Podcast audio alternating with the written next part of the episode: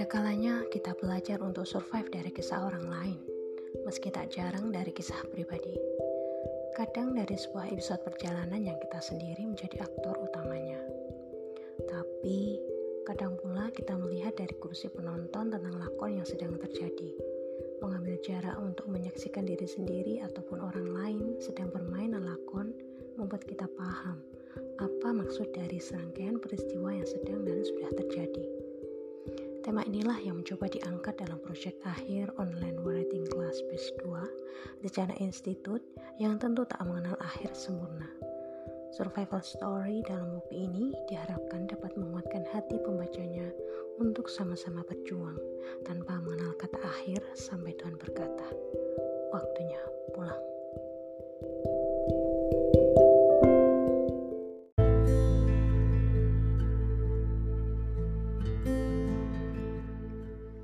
Menjadi kuat itu biasa, namun bisa menjadi hebat di antara yang kuat itu luar biasa.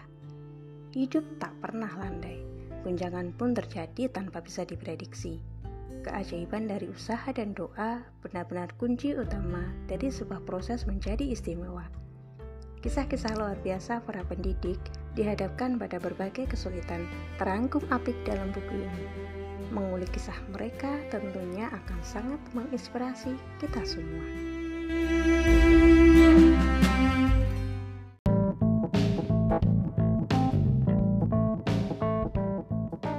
Assalamualaikum warahmatullahi wabarakatuh Semangat pagi Oke, hari ini Bu Windy ingin mengajak Anda berbicara ataupun ngobrol terkait dengan game online Siapa sih yang tidak kenal dengan game online?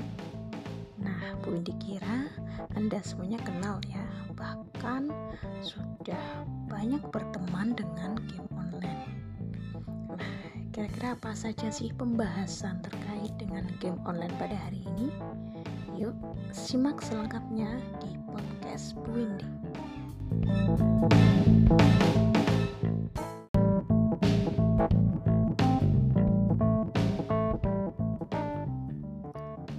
Indi. terkait dengan game online yang sudah menyebar di masyarakat adalah uh, pemikiran negatif. Tetapi ada juga yang menanggapi bahwa game online itu bisa memberikan dampak positif bagi kehidupan seseorang. Nah, kira-kira Anda termasuk yang mana? Yang memiliki stigma ataupun pemikiran negatif terkait dengan game online atau Anda merespon dengan baik dengan game online?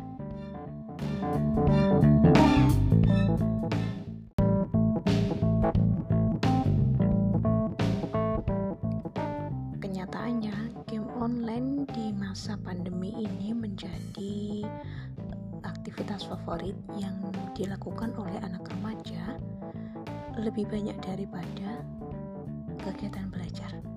Betul tidak? Nah, kira-kira kenapa ya yang menyebabkan remaja itu lebih senang bermain game online daripada belajar online. Yuk, kita sharing bersama ya.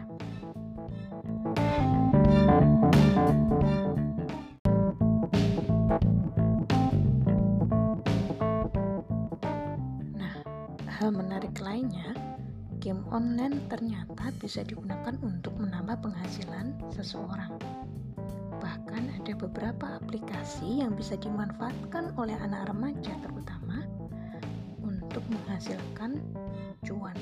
Hanya dengan pencet-pencet hanya dengan melihat video bisa mengumpulkan rupiah.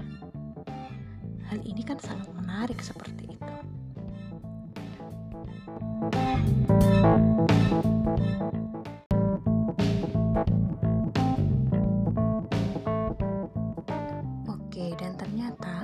Ada beberapa manfaat game online yang bisa kita dapatkan. Manfaat yang pertama adalah menambah relasi. Hal ini akan terasa ketika kita bermain game online secara tim. Manfaat yang kedua, meningkatkan kinerja dan kemampuan otak. Secara tidak langsung, karena kita fokus terhadap suatu uh, objek yang terbentuk dalam game, uh, kemampuan otak kita terus bekerja manfaat yang ketiga adalah meningkatkan fokus. Uh, kita fokus untuk uh, bagaimana merambungkan uh, game itu supaya kita bisa menambah poin. Manfaat yang keempat adalah meningkatkan kemampuan menyelesaikan masalah. Uh, manfaat yang kelima menambah kemampuan bahasa Inggris. Nah ini cukup membantu karena uh, beberapa perintah yang terdapat di game online itu rata-rata memakai bahasa Inggris. Manfaat game online yang keenam adalah mengatasi stres. Manfaat game online yang ketujuh meningkatkan kemampuan kerja sama tim. Yang kedelapan membangun sifat optimis dan percaya diri. Yang kesembilan adalah melatih kesabaran. Yang kesepuluh bisa menghasilkan uang. Sekarang